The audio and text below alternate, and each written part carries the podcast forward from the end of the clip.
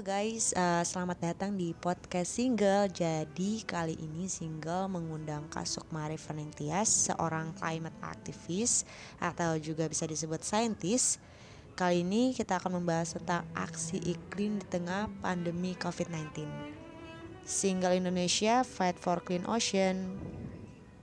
Perkenalkan, nama saya Sukmari Tias um, di kesempatan ini saya akan membagikan hal-hal yang sudah saya pelajari tentang aksi iklim di pendidikan master saya di jurusan perubahan iklim dan kebijakan lingkungan di University of Leeds.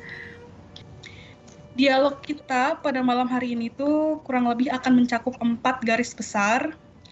Uh, yang pertama adalah tentang kondisi iklim saat ini dan juga saya akan menyertai contoh uh, kondisi iklim di, di Indonesia. Saya juga akan berbagi tentang perbandingan krisis iklim dan juga krisis pandemi COVID-19. Lalu saya juga akan membagikan pelajaran apa yang bisa kita ambil dari krisis pandemi ini yang berhubungan dengan aksi perubahan iklim.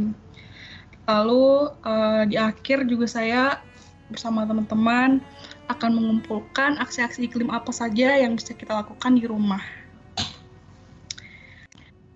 Oke. Okay. Yang melatar belakangi pentingnya aksi iklim adalah uh, adanya masalah perubahan iklim. Seperti yang teman-teman sudah pernah dengar sebelumnya, climate crisis atau global warming atau pemanasan global, semua itu adalah dampak dari adanya perubahan iklim uh, perubahan iklim ini diperburuk dengan adanya peningkatan intensitas emisi gas rumah kaca di atmosfer. Jadi, sebenarnya secara alami iklim itu selalu berubah.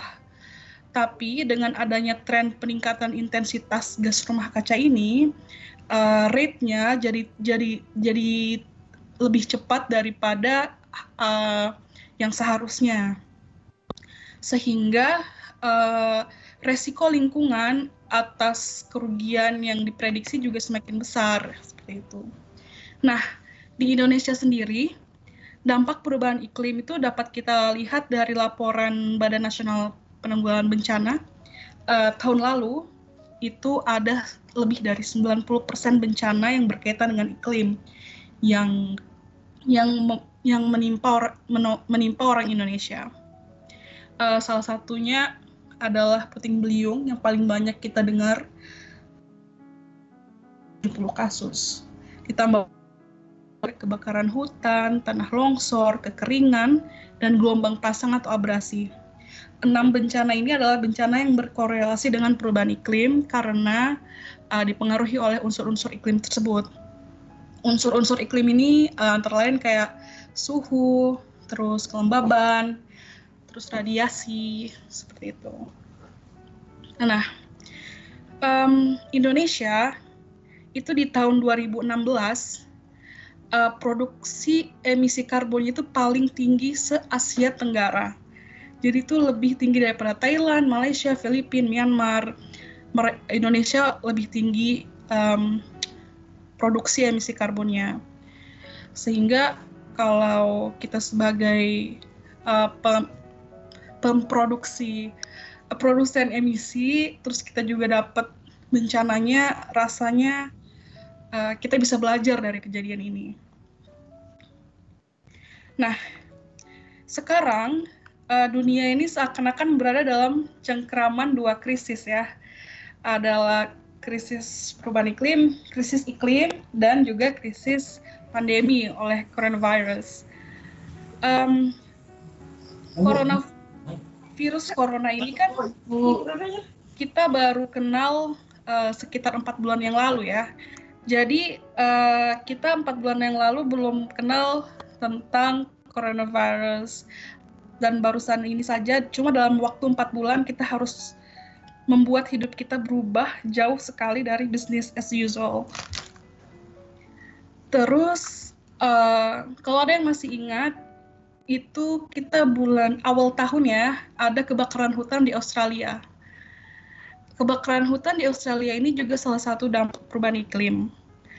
Dan itu bahkan masih menyala ketika Wuhan eh ketika coronavirus sudah sudah menyebar di Cina uh, di Wuhan. Tapi dengan adanya isu coronavirus ini kita jadi seakan seakan-akan isu kebakaran hutan Australia ini sudah bukan apa-apa lagi ya kayak kayak sudah tidak dibicarakan sama sekali karena semua orang sekarang sudah fokus di coronavirus. Nah, tapi uh, kalau kita melihat dua dua krisis ini adalah krisis yang mengancam. Tapi bedanya adalah uh, di perubahan iklim dampak yang kita lihat itu berangsur-angsur dan dalam jangka panjang. Sedangkan untuk coronavirus kita bisa lihat dalam waktu yang sangat-sangat singkat.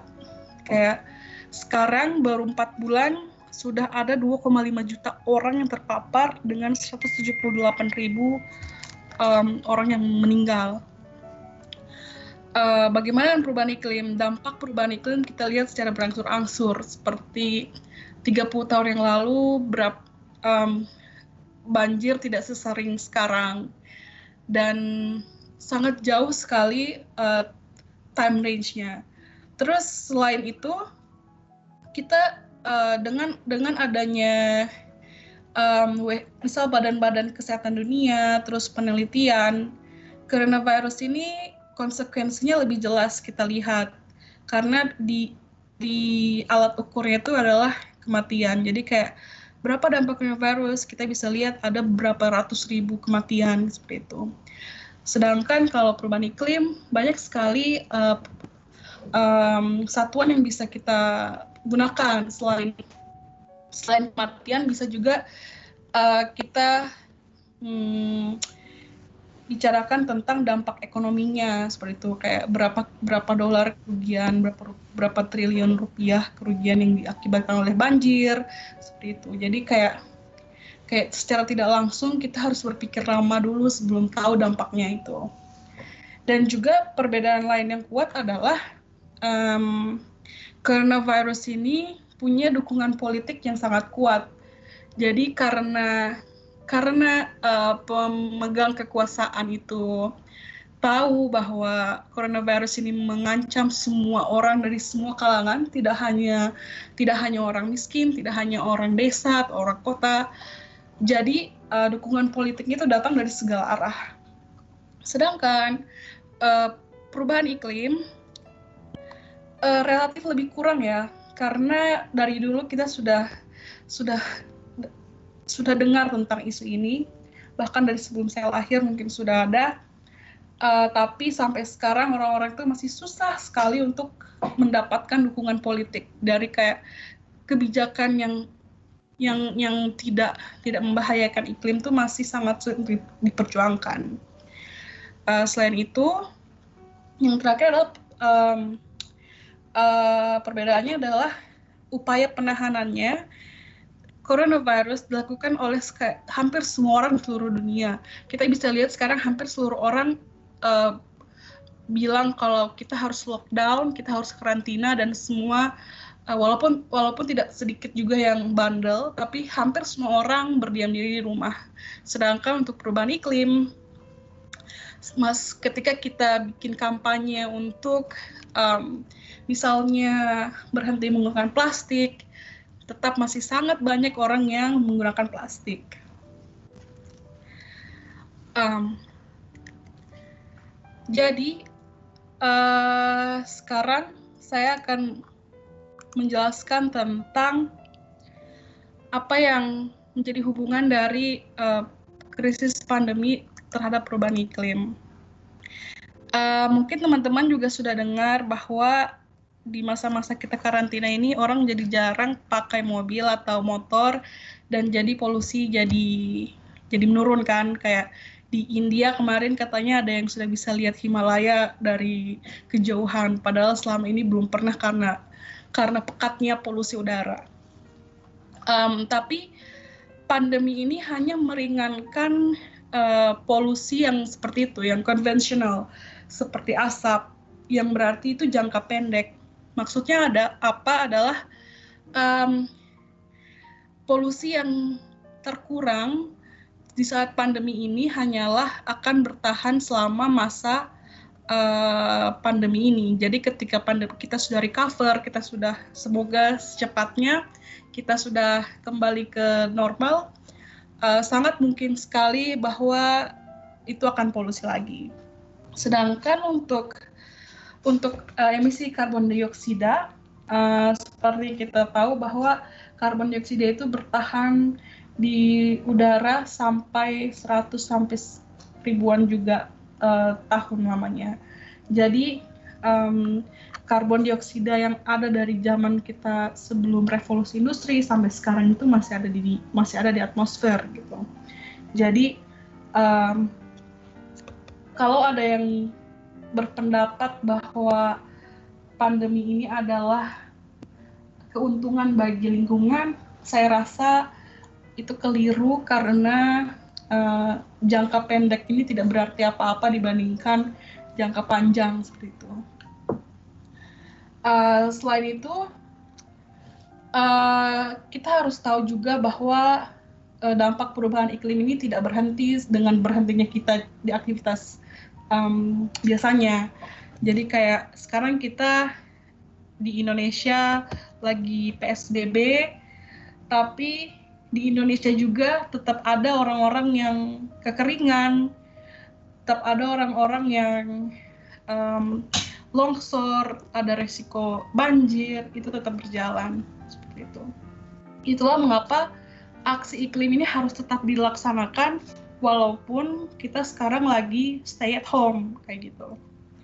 Nah, tujuannya aksi iklim ini adalah untuk meminta komitmen pemegang kekuasaan untuk memangkas emisi karbon dengan keadilan sosial dan ekonomi yang maksimal.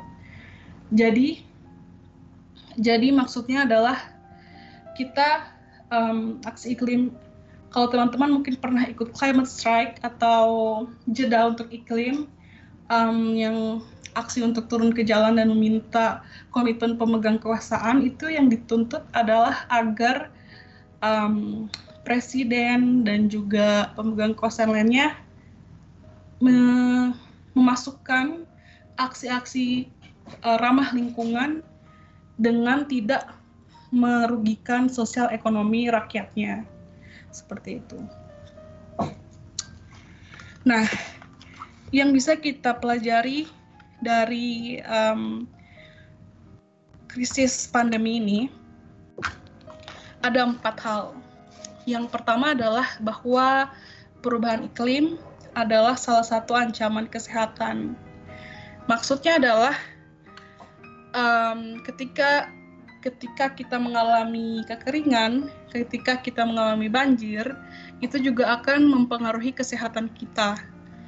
Jadi, sistem kesehatan yang kuat, yang yang adil dan didukung dengan tenaga kesehatan itu sangat penting untuk kita siapkan untuk mengatasi ancaman perubahan iklim. Dan pelajaran kedua adalah ketimpangan sosial adalah hambatan paling besar dalam mencapai ketahanan masyarakat. Um, contohnya adalah kayak gini, ancaman COVID-19 ini uh, di, di riset yang pernah saya baca adalah lebih tinggi bagi masyarakat yang berada di kota-kota yang um, tingkat polusinya itu tinggi. Nah, Eh, kota-kota uh, yang memiliki tingkat polusi tinggi ini sering kali adalah masyarakat yang uh, tinggal di di area-area miskin seperti itu yang akses kesehatan pelayanan pelayanan kesehatannya itu terbatas. Jadi kalau kita misal melakukan aksi iklim untuk mengurangi polusi, uh, kita juga harus mempromosikan pelayanan kesehatan bagi semua orang. Jadi kita bisa meng mengurangi dampak pandemi dan juga perubahan iklim secara bersamaan. Nah, selain itu juga yang ketiga ini yang paling paling bisa kita lihat ya bahwa pandemi ini tuh memaksa kita untuk berubah secara drastis. Nah, kemarin-kemarin pas kampanye perubahan iklim sebelum COVID-19 ini ada, kita di uh, pemerintah dituntut untuk misal menghentikan penggunaan fossil fuels dan mereka um, banyak sekali dan hampir semuanya menolak karena uh, takut dengan uh, dampak ekonomi. Tapi sekarang ketika ada pandemi ini kita jadi terbukti gitu bahwa perubahan seperti itu tuh mungkin dilakukan ketika kita berada dalam krisis. Nah, jadi uh, dengan mempelajari itu kita tidak bisa lagi uh, rasanya ya kalau kalau kita bilang ah berubah itu susah kayaknya udah udah tidak relevan lagi karena pada pada intinya kita bisa berubah dan pelajaran yang terakhir adalah krisis pandemi dan perubahan iklim ini uh, memperlihatkan bahwa kesehatan dan keamanan orang-orang yang kita cintai dan diri kita sendiri adalah yang paling penting. Uh, kenapa saya bilang seperti itu? Artinya adalah uh, kesehatan dan keamanan itu lebih kita utamakan daripada um, tingkatan misal hiburan seperti kita harus keluar kita mengorbankan waktu liburan waktu ngobrol dengan teman demi kesehatan um, kita dan orang-orang tercinta kita. Nah selain itu yang dapat kita simpulkan adalah bahwa uh, uh, setiap hari yang kita lewatkan harus selalu ada tindakan di situ. Karena uh, jangan sampai kita tiba-tiba di dihantam dengan krisis yang tiba-tiba seperti coronavirus ini lagi.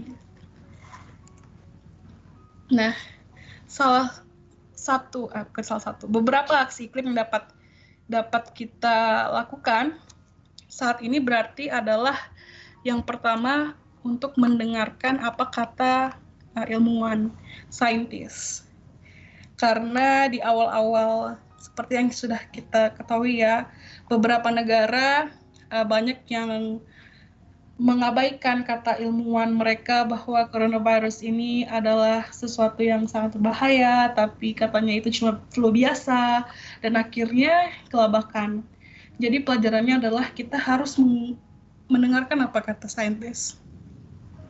Dan yang kedua adalah kita harus menyadari bahwa kesejahteraan kita itu bergantung pada pemerintahan yang proaktif. Artinya, kita harus juga proaktif untuk menuntut dan menyuarakan hal-hal apa yang seharusnya mereka lakukan dari awal, yaitu memperjuangkan kesejahteraan rakyatnya. Dan ketiga adalah um, kita tuh menyadari bahwa kita itu bisa bergerak lebih lebih cepat apa yang saya maksud adalah um, kayak kalau kita mau berubah dari energi tidak terbarukan ke energi terbarukan itu um, yang dulu kita keluhkan sebagai proses yang lama, proses yang memakan banyak dana itu um, sudah tidak relevan lagi karena coba kita lihat berapa banyak um, upaya pemerintah yang tiba-tiba bisa produksi jutaan ventilator, miliaran masker dalam waktu singkat, membangun rumah sakit cuma dalam beberapa hari, semua itu mungkin dilakukan. Jadi bukan hal yang tidak mungkin bahwa kita bisa memproduksi uh, wind turbine kayak turbin angin dan alat-alat energi terbarukan lainnya dalam waktu yang uh, cuma beberapa tahun saja. Dan juga uh, yang keempat adalah krisis ini tuh menekankan apresiasi kepada solidaritas yang lebih tinggi. Maksud saya adalah um, solidaritas antara masyarakat dengan masyarakat lainnya, masyarakat dengan hewan dan lingkungannya sekarang semakin kuat kan. Seperti kita lihat orang uh, bagikan makanan ke orang lain, um, orang memberi makanan ke kucing-kucing yang terlantar karena tidak ada orang lagi di jalan seperti itu. Sedangkan uh, yang lebih praktikal, saya rasa aksi-aksi iklim yang dapat kita lakukan dari rumah ini terbagi dari aksi individu dan kolektif. Aksi individu yang paling jelas yang bisa kita lakukan adalah dengan sadar energi. Karena kita ada di rumah terus, kita harus menghemat pemakaian energi kita. Jadi um, seperti menyalakan AC hanya beberapa jam saja, terus kita mematikan lampu yang tidak digunakan, seperti itu. Dan juga uh, menghemat air, khususnya ketika kita cuci tangan, kita tidak um, cuci tangan sambil air mengalir. Jadi hanya ketika kita mau bilas seperti itu. Lalu juga aksi kolektif yaitu dengan mengadvokasi orang-orang sekitar. Mengadvokasi orang-orang sekitar ini maksudnya adalah kita me, kita menjadikan isu perubahan iklim ini sesuatu yang lumrah untuk kita obrolin sama ayah, ibu, adik seperti itu. Kemudian juga aksi kolektif yang lain adalah kita bisa meminta pemerintah untuk um, untuk membuat menyusun kebijakan-kebijakan yang yang melindungi orang-orang marginal seperti menjamin penghasilan pekerja pekerja tambang. Jadi kalau kita meminta pemerintah untuk membangun uh, menghentikan fossil fuels, menghentikan tambang, kita juga tetap harus menjamin uh, para pekerja itu tetap tetap bisa mempunyai nafkah kayak gitu. Jadi uh, ketika kita mau karena tujuan asli iklim tadi yang seperti di slide sebelumnya adalah uh, kita minta pemerintah tapi juga kita minta mereka untuk menjaga kesejahteraan rakyat kan. Jadi salah satunya adalah dengan tetap menjamin penghasilan pekerja. Contohnya pekerja tambang. Dan yang terakhir adalah uh, kita di rumah setiap hari atau setiap minggu, setiap bulan bisa menambah pengetahuan tentang perubahan iklim global dan membagikannya di sosial media. Uh, kalau misal teman-teman di sini mungkin punya sosial media Instagram, Twitter, Facebook, uh, membagikan fakta fakta-fakta iklim itu adalah salah satu bagian dari aksi iklim yang dapat dilakukan. Uh, dan sekarang uh, kesimpulannya, um, saya ingin mengajak teman-teman untuk memahami bahwa krisis iklim dan krisis pandemi ini uh, membutuhkan penanganan yang selaras, bukan yang dipisahkan gitu. Dan kita sama-sama membutuhkan perubahan perilaku secara radikal. Secara radikal ini maksudnya perubahan yang besar-besaran gitu. Kayak perubahan yang yang seperti sekarang uh, kalau coronavirus perubahan radikalnya adalah kita sekarang lebih banyak di rumah, hampir setiap hari di rumah. Keluar hanya untuk beli beli makanan kayak gitu. Dan juga adalah seperti uh, kenyataan bahwa krisis pandemi ini me menimpa semua orang, orang di semua level ekonomi, di semua daerah geografis. Krisis iklim itu juga. Jadi kita semua tuh berada di perahu bocor yang sama jadi ketika kita melakukan aksi iklim, kita itu tidak hanya menyelamatkan diri sendiri kita, tapi juga orang-orang lain. Um, beberapa bahan bacaan yang mungkin bisa teman-teman baca sudah saya uh, berikan linknya di sini. Uh, terima kasih atas kesempatan dan perhatian yang sudah diberikan. Uh, kalau nanti setelah ini kita ada Q&A tapi kalau misalnya waktunya tidak sempat, eh, teman-teman uh, bisa reach out di email atau di Instagram Sultan for Climate Change atau juga di um, Instagram pribadi saya. Ini bukan promosi ya, tapi saya saya juga uh, sangat lebih sering untuk membagikan um, climate facts di akun pribadi dan akun komunitas. Terima kasih banyak. Saya kembalikan ke Reni. Oke, Kak Sukma, terima kasih sudah uh, memberikan kita sedikit pencerahan. Uh, bukan sedikit, tapi banyak pencerahan soal aksi iklim apa yang bisa kita lakukan di tengah pandemi ini. Walaupun kita ada di rumah, tapi ada beberapa kiat-kiat yang bisa kita lakukan, misalnya menghemat uh, pemakaian air. Kan sekarang itu lagi corona uh, virus, virus corona. Yeah. Penggunaan air itu kan sangat masif hampir seluruh dunia menggunakan air untuk cuci tangan. Bahkan hmm. setiap menit pasti ada jutaan uh, manusia uh, cuci tangan berkali-kali dalam waktu satu menit. Dan itu pasti menggunakan uh, sumber daya air lebih banyak dari yang sebelumnya, dari dari yang sebelumnya. Makanya uh, kita butuh uh, lebih sadar lagi untuk menggunakan air lebih hemat misalnya juga kayak listrik yang Kak Sukma bilang dan lain sebagainya. Nah uh, kali ini sesinya kita buka untuk teman-teman yang mau bertanya lebih dalam soal uh, seminar ini atau webinar ini. Silakan kalau teman-teman mau bertanya uh, diaktifkan audionya langsung bertanya saja. Uh, btw teman-teman masih ada di sini kak atau hanya akunnya saja yang join? Apakah ada yang ingin bertanya teman-teman? Atau kalau misalnya malu-malu suaranya didengar bisa dikirim di chat pertanyaannya yeah. apa?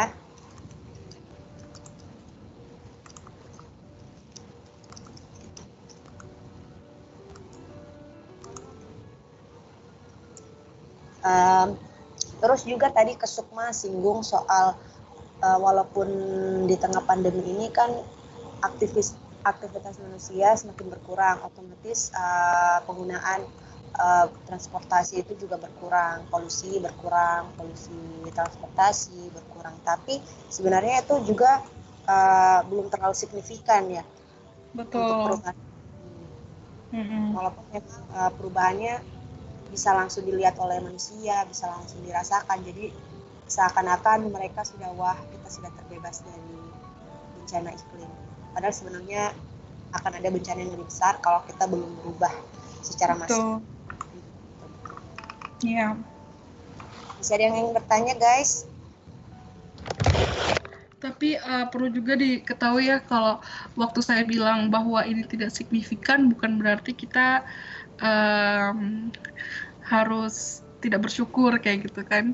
Hmm. Semua ini masih masih masih bisa disyukuri gitu. Cuma kita tetap kita harus tahu gitu kan bahwa bahwa uh, polusi yang kita rasakan sekarang udara yang lebih bersih sekarang ini uh, adalah hal yang kita ingin terjadi dengan jangka panjang kan. Jadi kayak sekarang sekarang kita bisa lihat langit yang biru kita pengen lihat lihat langit biru ini um, uh, dengan jangka waktu yang lebih lama gitu. Dan caranya adalah dengan melakukan um, aksi iklim itu dengan konsisten. Iya betul betul. btw ada oh Ferry mau bertanya tapi mikrofon bermasalah bermasalah di bagian mana Fer? Uh, silakan langsung di chat saja uh, Ferry pertanyaannya. Terus juga di pandemi ini kan banyak uh, medical waste yang uh, menurut saya pribadi sih manajemennya kurang uh, kurang bagus ya karena masih dibuang di di sembarang tempat atau di tempat yang terbuka. Seharusnya kan hmm. kan kayak masker atau APD APD yang digunakan itu harus ada penanganan penanganan khusus uh, untuk uh, pengelolaannya. Jadi itu juga berpengaruh di lingkungan kita juga, guys karena makin kotor malah akan menyebarkan virus yang lebih banyak kalau kita tidak uh, bertanggung jawab untuk mengelola APD. Ya, Anilu ini mau bertanya Kak, mau bertanya bagaimana dampak nantinya dari banyaknya produksi masker yang kita ketahui Kak. Apakah ada dampaknya? Saya atas nama Firawati. Oke Kak, Kak Sukma langsung dijawab Kak pertanyaan dari Firawati. Iya. Uh, Kayaknya ini pertanyaan mana sih? Mana pertanyaannya tadi? Nih ya, yang ini ya. Iya. Oke, uh, terima kasih pertanyaannya bagus sekali ya, karena sangat sangat betul sekali bahwa produksi masker sekarang sedang sangat uh, masif dan sampahnya dapat kita lihat di mana-mana. Uh, seperti sampah yang lain ya, kalau masker, kalau uh, sepandek pengetahuan saya maaf kalau salah karena waste management uh, saya cuma tahu sedikit Sukmawati Halo? Oke. Iya, iya, lanjut masuk. Kalau medical waste kayak sampah kesehatan, mereka itu uh, penanganannya itu ada protokolnya gitu kan. Kayak um, kalau di Anutapura itu mereka sampahnya itu dikumpulkan lalu dikirim ke ke setahu saya itu Jakarta atau Jawa apa gitu untuk dilakukan pemusnahan. Karena di Palu belum ada alatnya kayak gitu. Itu seharusnya seperti itu. Karena bahaya dari racun-racun dan virus yang terkontaminasi di uh, sampah medis itu sebesar itu sehingga harus melalui pembakaran atau pemusnahan yang uh, menggunakan teknologi tinggi tapi kalau kita yang dibicarakan adalah masker yang secara umum dipakai buang pakai buang. Dampaknya saya rasa sama seperti seperti uh, sampah lainnya yang kita bisa lihat selama ini yaitu plastik ya. Uh, jadi uh, ketika dia dia dibuang begitu saja di tanah bisa mengotori uh, ekosistem tanah itu sendiri kemudian aliran airnya kalau misal di situ muka air dangkal terus juga memberi dampak ke um, estetika juga ya kayak kayak kalau berhamburan biasanya ada orang-orang yang matanya itu tidak bisa lihat hal-hal yang kotor kayak gitu. Jadi saya rasa dampaknya sama seperti sampah pada umumnya kalau yang dimaksud adalah masker yang digunakan oleh orang-orang umum. Tapi kalau yang dimaksud adalah masker yang digunakan oleh uh, petugas kesehatan um, mereka punya protokol sendiri yang sangat ketat untuk um, menjaga kontaminasi. Seperti itu, Reni. Ya betul betul. Uh, setuju kasuk karena uh, tapi memang kalau sekarang ini kan kondisinya lagi uh, krisis. Jadi produksi masker itu sangat masif. Jadi untuk dampaknya sendiri adalah sumber daya yang digunakan untuk memproduksi masker itu misalnya air, listrik itu sangat terkuras habis-habisan makanya itu dampaknya sangat signifikan dan dalam waktu yang sangat singkat sebenarnya lebih ke situ kalau untuk produksi kalau untuk uh, pembuangan mungkin ya tergantung dari individunya lagi uh, dan penggunanya ya kasuk uh, untuk uh, cara buangnya cara mengolahnya itu harus diperhatikan. Uh, terus ini ada pertanyaan dari Ferry. Begini tadi dibilang bahwa salah satu cara mengurangi polusi udara adalah menggunakan mobil listrik. Apakah benar? Uh, bagaimana kasuk? Bagaimana uh, yeah. mobil listrik itu? Uh -uh. Uh, uh, uh, tadi kayaknya saya tidak sebut ya, tapi itu betul adalah yeah. salah satu uh, salah satu cara untuk mengurangi karbon uh, emisi karbon yang ada di udara yaitu mengganti dengan mobil listrik. Tapi uh, selain mobil listrik kan biasanya itu um, mobil listrik itu dicas ya dari baterai kayak gitu. Kita harus tahu bahwa baterai yang digunakan ini juga bukan baterai yang dari fossil fuels gitu. Karena uh, dilemanya mobil listrik ini seperti itu Reni. Uh, mobil listriknya emang tidak mengeluarkan tuh karbon, asap, tapi tapi baterainya menguras banyak sekali um, fossil fuels. Mm. Jadi ke, yang benar adalah mobil listrik yang benar-benar dari produksinya itu dari awal sampai akhir itu adalah dari hal-hal dari energi yang terbarukan. Itu yang Ya betul betul. Uh, jadi uh, terjawab ya Fer. Kalau misalnya listrik uh, mobil listriknya dipakai uh, misalnya bahan bakarnya dari bensin juga uh, sama saja ya kayak motor biasa atau misalnya dicas tapi uh, bahan bakarnya masih dari batu bara. Terus lanjut uh, Rizal, selamat malam, malam juga. Sehubungan dengan situasi lockdown, terdapat peningkatan belanja online, uh, termasuk saya, hahaha, yang dapat yang dapat menyumbang emisi karbon bagaimana kita mensiasati hal tersebut. Oke. Okay. Oke, okay. benar nih.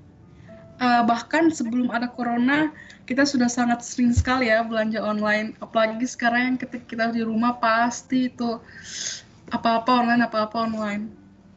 tapi bagus ketika siapa yang namanya Rizal Rizal sudah tahu bahwa itu tidak baik selain tidak baik untuk lingkungan tidak baik juga untuk kantong jadi uh, cara kita mensia aduh ada telepon siapa tuh uh, jadi cara kita mensiasati adalah dengan um, membeli secara bijak dari ada atau tidaknya pandemi, kita harus selalu tahu apa yang kita butuhkan dan apa yang akan kita beli gitu. Seperti um, um, apa pada intinya adalah kita harus mengontrol tingkat konsumerisme kita. Kayak dengan adanya corona ini terus ada hasrat untuk membeli baju, membeli celana itu sangat tidak masuk akal kan karena kita di rumah pun tidak perlu memakai baju baru kayak gitu. Ya betul. Uh, ya kan kecuali kita mungkin uh, online-nya itu dibatasi dengan online makanan hmm. atau online obat kayak gitu. Saya rasa itu masih uh, dan dan harus kita kita tetap jalankan karena itu uh, apa ya maksudnya penting untuk kemaslahatan kita sendiri kan kayak makanan dan ya. obat-obatan. Tapi untuk hal-hal yang tersier seperti baju baru gadget baru laptop baru itu saya rasa kita harus tetap mengontrol diri kita ya. Cara mensiasatinya sih itu. Kita melihat kebutuhan kita apa dan itulah yang kita penuhi bukan kemauan seperti itu. Ya uh, semoga terjawab ya Rizal jadi kalau misalnya kayak memang barang-barangnya itu lagi dibutuhkan sebenarnya itu uh, tidak apa-apa ya tapi kalau misalnya itu hanya sebatas keinginan hanya uh, nafsu belaka istilahnya seperti itu ya dikurangi karena uh, memang itu efeknya atau dampaknya kurang baik yaitu emisi karbon tadi. Mm-hmm. Lanjut uh, pertanyaan selanjutnya, sepertinya banyak pertanyaan ke bawah. Aduh. Ada hmm. Nita Wulandari di tengah dampak pandemi corona pasti kita rajin mencuci tangan menggunakan sabun. Hmm. Apakah sabun itu memiliki dampak terhadap lingkungan? Kalau iya, lantas apa yang harus dilakukan? Oke, okay. ini pertanyaan bagus sekali. Mm -mm. Um, betul bahwa sabun itu memiliki uh, bahan-bahan kimia ya, seperti LAS, LABS kayak gitu-gitu. Um, dan betul bahwa kayak deterjen itu dia mempengaruhi konsentrasi uh, tanah dan air kayak gitu. Uh, cara untuk kita meng menghindari uh, agar tidak terjadi pencemaran adalah kita melihat um, memilih deterjen atau sabun tuh yang memiliki kadar fosfat yang rendah seperti itu. Uh, ini sepengetahuan saya tapi saya rasa Remy itu lebih tahu karena dia um, uh, apa? Dia anak kimia ya anak kimia. Terus juga uh, fokusnya di waste management. Uh -uh. tapi um, setahu saya adalah kita harus melihat uh, mengerti apa yang kita pakai di, di komposisi sabun itu. Jadi kayak pilihlah sabun yang misal ada tulisan eco-friendly. Karena sudah banyak ya sabun-sabun yang di label ada label ramah lingkungan kayak gitu ya. Dan itu bisa dipilih. Tapi ketika uh, kita tidak memiliki kemampuan untuk mendapatkannya baik dari segi ekonomi ataupun dari segi akses aksesibilitas untuk membelinya, um, saya rasa uh, cara kita untuk tidak mencemari lingkungan adalah dengan mencuci tangan seperlunya. Uh, mungkin ini, hmm, kalau saya pribadi ya, kalau saya pribadi karena saya sudah satu bulan lebih kerja dari rumah, yang awalnya dari dari minggu pertama itu saya kayak setiap dua jam, empat jam tuh pasti cuci tangan kan. Tapi setelah itu saya pikir um, di dalam rumah sendiri itu saya tidak berinteraksi dengan siapa pun gitu. Jadi kayak tidak perlu untuk empat jam sekali cuci tangan. Kayak setidaknya hanya sebelum dan sesudah um, keluar rumah atau sebelum sudah makan gitu kan. Jadi nggak tidak tidak terlalu sering seperti awal-awal yang ketika saya masih paranoid kayak gitu. Seperti itu Reni. Mungkin Reni bisa menambahkan? Iya. Oke, okay, uh, mungkin uh, sedikit dari komposisi sabun itu ya uh, terbuat dari minyak, minyak apa saja, tapi yang mengandung minyak. Terus, uh, tapi kalau misalnya dampak ke lingkungan uh, lebih ke bahan baku untuk buat sabun itu yang yang dibuat secara atau yang diproduksi secara masif. Nah, itu sebenarnya dampak yang uh, sangat signifikan karena kita mengambil bahan Eh, bahan-bahan uh, alam atau resource yang ada di alam untuk buat sab untuk buat sabun itu. Dan cara untuk kita uh, kayak Kasukma bilang tadi sebisa mungkin kita pakai sa pakai sabun cuci tangan itu seperlunya.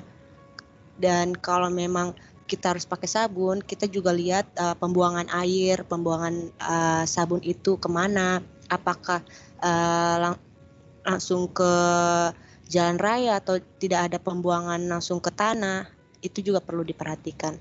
Tapi uh, untuk yang kayak kita ini dengan segala keterbatasan ya kita pakai seperlunya saja seperti yang kayak Kasukma bilang dengan air yang uh, sehemat mungkin lah. Mm-hmm. Oke lanjut uh, Ferry pertanyaan kedua untuk Ferry. Oke bagaimana dengan membeli bahan bakar dengan RON yang lebih tinggi? Itu mengurangi polusi yang dikeluarkan bukan dengan yeah. RON. Yeah. Uh -uh. Mm -hmm. Oke, okay. uh, eh, terima kasih Ferry atas pertanyaannya. Uh, jadi seperti ini, kalau kita yang di, yang dimaksud dengan emisi dari bahan bakar, eh, emisi dari transportasi misalnya ya, itu adalah akumulasi emisi dari produksi mobilnya, dari produksi spare partnya, dari bahan bakarnya, dari semuanya gitu. Jadi kalau misal kita bilang kita pakai bahan bakar yang lebih ron lebih tinggi, um, karbonnya itu tetap ada gitu, tetap emisi karbon yang dikeluarkan tetap tinggi dan hanya mengurangi sedikit sekali um, apa uh, emisinya. Benar bahwa ada pengurangan emisi, tapi itu tidak signifikan. Apalagi apalagi ketika 10 juta 10 juta orang pakai itu. Tidak ada uh, akumulasi emisi emisi karbon yang di, dikeluarkan dari orang yang pakai RON lebih tinggi itu masih sangat sangat sangat lebih besar daripada orang yang memakai uh, listrik apa transportasi listrik atau orang yang memakai sepeda dan jalan kaki kayak gitu. Jadi um, itu itu jawabannya adalah betul itu mengurangi mengurangi emisi tapi tidak signifikan. Jadi kayak it's not worth it. Kayak gitu. Terima kasih. Alright oke. Okay. Uh, semoga terjawab ya Ferry. Uh, ada tanggapan juga dari Ferry namun masyarakat pada umumnya berpikir begini harga-harga ongkir. Saya salah satunya. Bagaimana cara mengubah uh, cara berpikir seperti itu. Mungkin yang ini mobil listrik ya? Oh, yang ongkir, cara mobil listrik itu ya? Atau iya itu yang itu yang saya bilang tadi. Ya. Um, kita perlu perlu tahu bahwa um, membeli, misal membeli kayak apa sih namanya selain premium karena premium yang paling tinggi ya Ron, eh, paling rendah Ronnya mungkin yang paling besar emisi karbonnya pakai yang premium. Terus kita nggak punya uang untuk beli yang pertalite dan lain-lain. Kalau kita tidak punya uh, uang sorry ada suara tuh. Uh, saya rasa yang yang diubah cara berpikir itu bukan bukan mengubah cara berpikir apa ya uh, membeli lebih mahal untuk mendapatkan hasil yang lebih baik, tapi kita harus tahu apakah bahan yang kita miliki itu benar-benar punya dampak yang signifikan gitu. Jangan sampai kita termakan oleh greenwashing gitu ya. Kayak kayak orang jual, misal jual ini loh pakai ini eh, emisi lebih rendah kayak pakai pakai AC misalnya. AC ada tulisan eco friendly.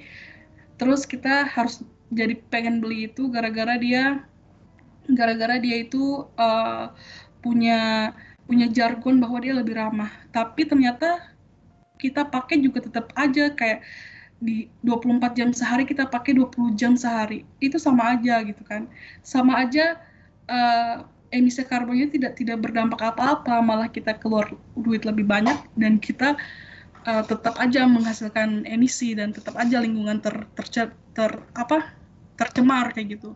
Cara berpikirnya itu harus kepada um, kita menggunakan bahan yang lebih ramah lebih ramah lingkungan, tapi juga dengan um, mengurangi mengurangi uh, pemakaian. Jadi kayak intensitas pemakaian kita itu juga dikurangi untuk dapat hasil yang lebih signifikan. Seperti itu saya saya harap bisa dipahami. Ya, ya. Oke. Okay. Makasih Kasuk. Uh, ini ada pertanyaan lagi dari Wahyu di Surabaya terkait dengan kebijakan karbon untuk penanganan perubahan iklim yang dilakukan pemerintah kita. Menurut kakak, seberapa efektif hal tersebut berdampak pada pengurangan emisi karbon? Thank you, Kak Sukma. Uh, saya mau tanya yang dimaksud dengan kebijakan karbon ini kebijakan yang mana ya? Kayak uh, trading karbon kah atau pajak karbon kah? Yang mana ya? Uh, uh, mungkin uh, ya kenapa? Uh, mungkin Wahyu bisa jelaskan iya. juga detailnya kebijakan karbon ini uh, seperti apa? Iya. Ada ada nggak orangnya sekarang? Iya. Halo Wahyu bisa di unmute uh, itunya? Oh secara keseluruhan kak? Secara keseluruhan. Oh, Oke. Okay. Hmm. Uh, untuk menilai apakah kebijakan itu efektif atau tidak, uh, kita harus lihat ininya ya, kayak ada target-target hmm, yang sudah terpenuhi atau belum. Tapi kalau secara keseluruhan yang dibilang sama si Wahyu, secara garis besar sekali ya, kayak besar sekali. secara garis besar sekali kebijakan yang sudah kita lakukan ini tidak tidak efektif dan tidak cukup. Kenapa? karena kita bisa lihat bahwa status uh, emisi karbon di Indonesia adalah masih yang paling tinggi di antara semua negara di Asia Tenggara walaupun kita sudah um, ikut Paris Agreement terus kita sudah ada program-program um, tax kayak kayak um, Red Plus, REDD Plus dan lain-lain kayak gitu. Kalau yang ditanya Apakah hal tersebut efektif? Saya rasa tidak ya. Masih perlu banyak sekali um, perbaikan di negara kita ini. Ya. Terima kasih. Salah, uh, salah satunya perbaikan ke diri kita sendiri, bagaimana kita bisa berubah lebih baik dan lebih sadar menyikapi perubahan iklim. Terus lanjut uh, yoga dari Pamulang SMK Sasmita Jaya. Jaya-Jaya atau Jaya 2.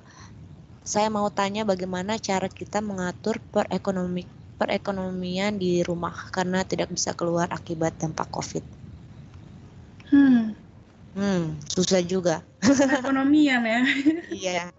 Maksudnya, uh, Maksudnya mungkin apa? yang di PHK itu kali yang tiba-tiba oh. diputus pekerjaan seperti itu atau pekerjaannya yang harus di luar tapi karena covid ini dipaksa untuk berada di dalam rumah akan berpengaruh juga ke perekonomian silakan kesuk um, kalau terkait dengan dengan apa fenomena PHK atau dirumahkan, saya rasa saya tidak punya banyak ilmu untuk menjawab ya Reni. Cuma um, uh, saya melihat kebijakan pemerintah kita sekarang dengan apa yang prakerja terus uh, apa namanya itu uh, eh, BLT ya aduh bantuan langsung tunai bantuan ya bantuan hmm. itu mungkin betul, betul. saya tidak bisa bilang itu baik atau belum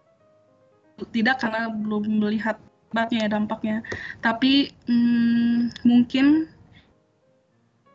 opsi-opsi bantuan yang diberikan di, disediakan oleh pemerintah itu bisa kita manfaatkan gitu. Kalau misal kita memang um, termasuk dalam orang yang eligible untuk menerima ya, kayak misal prakerja itu yang katanya ada pelatihan itu harus orang-orang yang um, tidak tidak punya pekerjaan atau baru diputus diputus kerjakan seperti itu.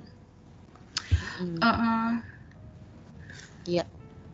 Gitu. Um, tapi juga tapi juga saya pengen apa ya? Saya pengen uh, saya pengen teman-teman juga Pak uh, mempunyai uh, pemahaman bahwa kita itu punya perwakilan rakyat, ya kan? Uh, kalau saya dulu, saya dulu waktu masih masih S1 kayak gitu, uh, rasanya jauh sekali sama apa DPR kayak gitu anggota-anggota DPR, DPD kayak gitu yang perwakilan rakyat dan hampir bahkan tidak pernah sama sekali mengirim surat atau mention di sosial media membicarakan apa yang saya pengen kayak gitu. Tapi setelah um, uh, semakin ke sini saya semakin saya semakin uh, tahu bahwa kita itu punya hak untuk menyuarakan suara kita dan jalur-jalur yang bisa kita gunakan adalah itu perwakilan rakyat kita. Jadi kayak perwakilan perwakilan kalau misalnya Reni dari dari Sulawesi Tengah kayak gitu. Kita chat atau SMS saya dan mereka itu pasti um, kanalnya dibuka ya. Kayak kita bisa lihat di internet kayak nomor telepon mereka. Walaupun sangat kecil kemungkinan kita untuk didengarkan tapi saya rasa mencobanya itu um, uh, apa berpeluang gitu. Kayak misal Ridwan Kamil aja sekarang banyak banget yang mention dia di ini minta minta ini minta itu. Terus di tidak sedikit juga yang di apa um, di di di di respon gitu kan. Jadi uh, kalau memang punya masalah untuk yang yang sangat sangat sangat tidak bisa di di kelu apa dikeluarkan apa disolusikan gitu uh, mungkin bisa kita untuk menyuarakannya ke perwakilan kita sendiri di DPR, DPD, MPR, gitu-gitu. Seperti itu. Iya, betul betul. Uh, jadi kalau misalnya untuk eh, hal-hal uh, yang paling sederhana yang bisa kita lakukan di rumah, misalnya karena kita tidak bisa keluar, mungkin kita bisa inisiatif untuk memproduksi uh, pangan kita sendiri misalnya dengan cara menanam, menanam bahan-bahan dapur, bahan-bahan pokok dapur kayak uh, lombok, lombok atau tomat atau sayur-sayur yang mudah mudah tumbuh dan panennya lebih cepat itu bisa dilakukan juga supaya bisa mengatur perekonomi perekonomian kita di rumah. Uh, terus uh, kita nanti akan berakhir untuk sesi webinar ini di 21.30 waktu Indonesia bagian tengah atau 20.30 jadi sekitar 19 menit lagi. Oke uh, Arif silakan di unmute uh, audionya kalau jika ingin bertanya. Selamat malam. Oke. Malam. Bisa kan Oke, saya punya beberapa pertanyaan yang ingin saya tanyakan. Yang pertama itu adalah data tentang emisi Indonesia tadi soal karbon. Apakah itu data per kapita karena menurut saya kalau kita menjadi uh, apa uh, yang menyumbang emisi karbon terbesar di uh, SEA ya Southeast Asia itu kayaknya uh, merupakan hal yang wajar karena uh, masyarakatnya kita itu lebih banyak tinggi ya. daripada yang lain. Apakah itu termasuk per kapita di mana uh, pembagian karbon berdasarkan jumlah penduduknya? Yang kedua itu berdasarkan iklim politik di Indonesia sekarang ya yang soal pemerintah itu sepertinya pemerintah lagi nggak nggak apa nggak menghindari begitu soal masalah lingkungan kayak begitu terutama yang kemarin seperti di debat presiden itu sama sekali nggak ada yang bahas tentang lingkungan gitu hmm. nah yang yang kedua itu eh, Indonesia kan sekarang jadi target untuk jual beli karbon ya, jual beli kar karbon uh, antara negara maju dan Indonesia. Bagaimana pendapat kakak mengenai hal itu? Nah yang ke um, yang keempat itu sorry banyak pertanyaan sorry. Uh, jadi Indo uh, kalau saya sendiri melihat Indonesia kayaknya nggak bakal berubah uh, apa uh, fokus polisinya, polisi dari uh, pemerintah kita sendiri sebelum ekonominya kita itu menjadi maju seperti itu. Kira-kira pendapat kakak soal itu bagaimana? Terima kasih. Ini eh, empat itu pertanyaan. Hmm. Oke. Okay. Okay, uh, ya. Terima kasih. Seperti Arif ya. Uh, sebelumnya saya mau minta bilang makasih dulu sama ini siapa? Uh, Rizal ya sudah sharing tentang uh, masalah perubahan iklim dan masalah kesehatan.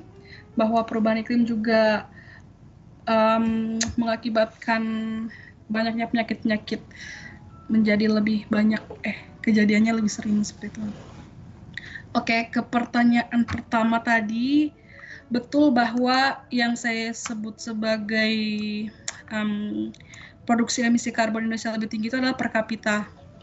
Uh, justru justru bahwa per kapita ini uh, karena itu kan per orang ya, jadi average gitu. Jadi itu bisa dibandingkan dengan negara lain walaupun uh, populasi kita beda gitu karena yang di yang didapatkan adalah per kapita kecuali bahwa yang um, yang kita bilang itu adalah uh, karbon dioksida negara itu baru tidak cocok karena negara kita populasinya lebih banyak. Uh, di slide keberapa? Ah, nggak ada di sini ya. Kayak di di di awal-awal tadi adalah betul bahwa kerentanan Indonesia terhadap risiko dampak perubahan iklim ini juga di, itu diiringi oleh itu emisi gas karbon dioksida per kapita di Indonesia yang mengalami tren peningkatan. Seperti itu. Terus uh, yang kedua tadi apa ya Reni tentang, uh, tentang karbon. Karbon ya, ya? debat presiden. Oh, debat politik presiden. politik. Politik. Karena saya lihat pemerintah sepertinya menghindari masalah lingkungan seperti itu. Terutama hmm.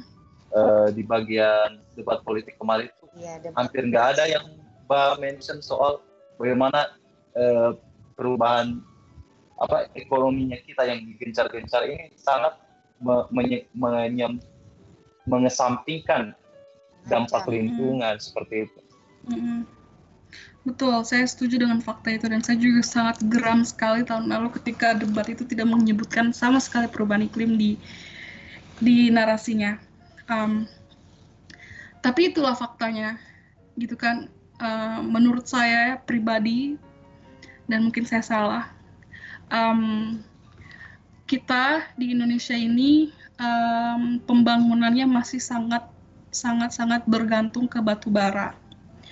Jadi um, uh, para para politisi kita itu uh, tidak bisa serta merta bilang di halayak banyak bahwa mereka akan memutus hubungan dengan pengusaha batu bara atau pengusaha fosil fuel lainnya. Uh, karena itu sangat membahayakan ekonomi. Dan kita juga tidak mau dampaknya itu um, apa uh, jadi kayak krisis kan krisis krisis kayak ekonomi yang dulu itu. Um, saya rasa alasan mereka itu adalah mereka masih sangat terkekang di uh, industri industri batu bara.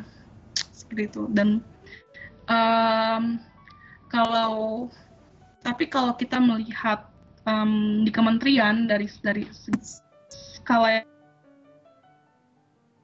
yang lebih kecil, di Indonesia dalam pengendalian perubahan iklim itu sudah apa ya um, belum bisa kita bilang baik tapi sudah sudah lebih baik lah daripada dulu-dulu kayak gitu karena uh, seperti yang kita tahu sekarang uh, dari 2015 Indonesia itu sudah meratifikasi Paris Agreement ke dalam RAN GRK terus uh, dengan target um, 26% sampai uh, 41% penurunan emisi dengan bantuan internasional.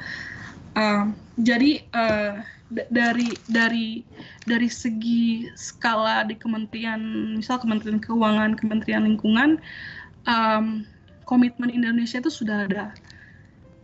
Tapi implementasinya masih masih berjalan dan itu yang perlu kita awasi kayak gitu.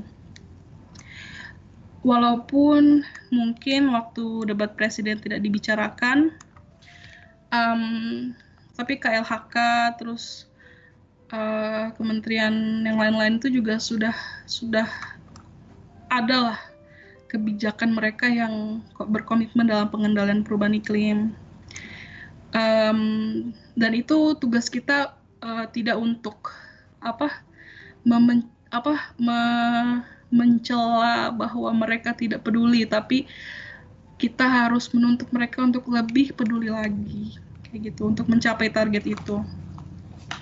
Kayak uh, kalau mungkin teman-teman pernah dengar um, Proklim program kampung iklim itu sedang digagas oleh um, Kementerian Lingkungan Hidup dan Kehutanan. Terus juga um, uh, setiap tahun Indonesia masih ikut um, COP COP um, dari dari COP apa sih kepanjangan COP ya? Conference of Parties di UN Climate Change uh, mereka masih ikut um, dan juga berkomitmen untuk uh, memasukkan perjanjian itu ke dalam peraturan perundang-undangan serta rencana aksi nasional atau yang disebut dengan RAN. Jadi kita tuh punya RAN ada dua. Jadi rencana aksi nasional penurunan emisi gas rumah kaca dan juga rencana aksi nasional adaptasi perubahan iklim. Seperti itu. Uh, terus kalau tentang tanggapan uh, dengan carbon trading ya tadi, um, uh, seperti itu kan carbon trading itu adalah salah satu instrumen pasar ya, kayak uh, market instrument di politik. Jadi uh, sistemnya adalah untuk teman-teman yang mungkin belum tahu, simpelnya adalah uh, negara maju membayar kita untuk karbon-karbon yang kita selamatkan kayak gitu. Nah, um, kalau misal eh, teman-teman mungkin pernah banyak yang melihat bahwa UN RED plus REDD plus itu di Indonesia gagal ya karena uh, itu tadi kalau kalau karbon itu diperdagangkan yang melibatkan uh, dana seperti itu kita bisa tahu bahwa hmm, tingkat korupsinya itu tinggi di situ. Juga tidak efektif karena negara maju itu selalu bisa membayar, selalu bisa membayar karbon itu karena mereka sangat sangat sangat kaya sekali gitu. Jadi ketika kita pengen bilang um, apa uh, awal awal mula kita bikin carbon trading itu adalah supaya mereka itu tidak beli karbon itu, supaya mereka meninggalkan aja um, deforestasi itu, biarkan hutan itu seperti itu. Tapi nyatanya mereka tidak tidak ada hal tidak ada dampak yang signifikan karena mereka masih tetap aja mampu membayar gitu dan dan hutan kita tetap tetap aja ditebang seperti itu dan karbon tetap aja meningkat jadi itu yang bikin itu tidak efektif kayak gitu selain karena birokrasi dan lain-lain juga bobrok. Bobrok kenapa? Karena um, uh, salah satunya adalah kita sistem monitoring dan evaluasinya itu ya tidak tidak baik gitu, tidak kokoh kayak gitu. Um, siapa yang menjual, terus siapa yang mengontrol, kemudian bisa juga ada bisa juga ada apa um, indikasi um, manipulasi dari kontrol itu itu yang menjadi masalah kenapa carbon trading ini tidak efektif. Seperti itu. Wow sangat berat sekali. Semoga uh, Rifs Suganda dan teman-teman lain dan saya juga sendiri bisa lebih tercerahkan dengan webinar ini bahwa sebenarnya ada hal-hal yang paling besar di atas kita. Nah, jadi apa yang kita lakukan sebenarnya juga harus uh, lebih besar juga, bukan hanya sekedar um, apa namanya ikut-ikut webinar ini bagus, tapi apa yang bisa kita lakukan, misalnya belajar dan bagaimana caranya kita juga bisa menuntut ke pemerintah atau pemangku kebijakan soal perubahan iklim. Terus uh, masih ada waktu 7 menit lagi kalau masih ada yang ingin bertanya, silakan lewat chat bisa atau langsung di audio. Uh, terus uh, berarti teman-teman yang lain yang sudah bertanya sudah jelas ya berarti jawabannya. Kalau misalnya ada tanggapan, silahkan juga. Hmm.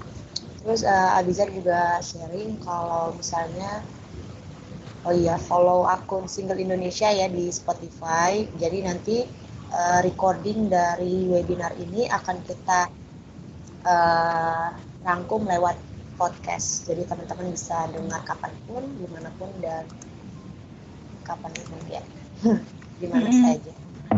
Ya bisa di download uh, juga. Uh, ya. Um, uh, selain carbon trading tadi itu uh, di lingkup yang lebih kecil seperti di lokal kita bisa um, tahu ada misal praktek kayak misal uh, air air terus air uang uang dari air itu dipakai untuk konservasi air mata air itu sendiri. Nah hmm. kalau kalau yang uh, lokal seperti itu um, sudah banyak sekali uh, apa prakteknya yang berhasil ya uh, relatif yang menurut saya berhasil. Kenapa? Karena bahwa uang yang digunakan dari pemakaian air itu adalah dipakai untuk konservasi. Dan kenapa itu sukses? Karena uh, yang mengawasi itu juga orang-orang yang uh, menggunakan gitu, orang-orang desa, orang-orang uh, indigenous people kayak gitu. Mereka bisa um, menjalankan praktek market instrumen ini dengan baik karena mereka uh, monitoring dan evaluasinya itu baik gitu. Bahwa uang itu benar untuk dipakai untuk konservasi bukan masuk ke kantong sendiri kayak gitu. Jadi uh, ada ada praktek-praktek market yang baik dan juga ada yang praktek-praktek market yang tidak baik seperti itu. Tergantung implementasinya. Hmm. Tapi kalau untuk uh, Sulawesi Tengah sendiri atau ya lebih kecil di Indonesia, apakah Kak Sukma pernah mendengar praktek yang seperti itu? Misalnya melibatkan orang-orang asli daerah itu untuk memprotek sumber daya air. Iya, uh, uh, saya pernah, uh, saya punya teman itu dia dari Sumatera. Uh, dia pernah, uh, bukan pernah dia sekarang lagi meng apa? Meneliti tentang adanya Kementerian Air gitu di Sumatera ini. Daerahnya saya saya lupa ya namanya apa. Tapi uh, jadi mereka itu uh, punya punya satu orang yang dipercayakan sebagai mantari itu namanya Menteri Pengurusan Air kayak gitu. Jadi dia itu yang uh, apa meng, mengatur orang tuh bisa ambil air berapa banyak dan mereka harus bayar berapa dan uangnya itu benar-benar digunakan untuk mengkonservasi sumber air itu sendiri. Jadi kayak okay. sudah bertahun sudah berpuluh-puluh tahun tuh masih ada sampai sekarang. Itu dia ada di Sumatera Sumatera apa ya? Sumatera ya. Utara kayaknya. Mm -hmm. Pokoknya Pulau Sumatera.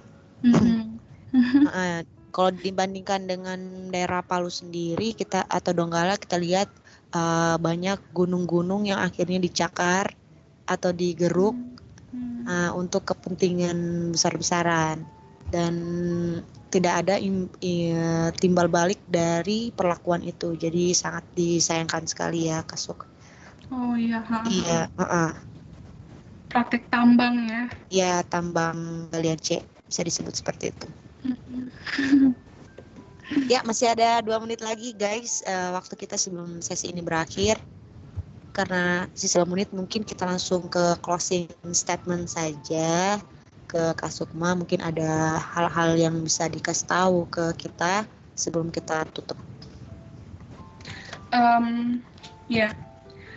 uh, ada pepatah yang bilang bahwa never let a crisis go to waste. Jadi in, intinya adalah kita jangan tidak memanfaatkan krisis gitu.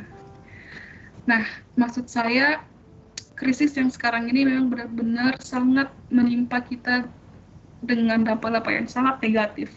Kematian, pemutusan um, mata pencaharian, dan sosialisasi, dan lain-lain. Tapi masing-masing kita bisa bisa berpikir tentang apa yang bisa kita manfaatkan dari krisis ini dan yang paling dasar adalah kita manfaatkan untuk kita belajar. Belajar bahwa krisis ini bisa menimpa kita secanggih apa pun teknologi yang pernah kita lakukan. Uh, bahkan negara adidaya pun kena, bahkan negara yang katanya banyak sekali peneliti kena, kayak gitu. Uh, jadi intinya adalah kita harus bersiap. Bersiapnya bagaimana itu dengan mempelajari hal-hal yang bisa kita pelajari dari krisis ini. Seperti yang tadi yang saya bilang kita harus percaya apa kata saintis. Uh, kita harus banyak belajar tentang data dan fakta. Kita harus bisa menyuarakan aspirasi kita dan kita bisa meningkatkan solidaritas antar makhluk hidup antar manusia dengan manusia, manusia dengan tanaman, dengan lingkungan, dengan hewan kayak gitu. Ini adalah kesempatan yang besar untuk kita manfaatkan. Seperti itu. Iya, uh, jadi itulah uh, tadi pesan Kasukma untuk kita semua apa yang bisa kita pelajari mulai dari sekarang, apa yang bisa kita lakukan, dan uh, saya pribadi mengucapkan terima kasih banyak sebesar-besarnya untuk Kasukma di tengah pandemi ini bisa sharing tentang aksi iklim yang bisa kita lakukan khususnya anak-anak muda dan kali ini didominasi oleh anak-anak uh, Universitas Sadulako di Palu. Jadi terima kasih yeah. sebanyak-banyaknya teman-teman semuanya sudah bergabung da dalam waktu satu jam 30 menit ini akan kita jumpa lagi di sesi berikutnya. Terima kasih. Terima kasih semuanya. Terima kasih. Oke. Okay.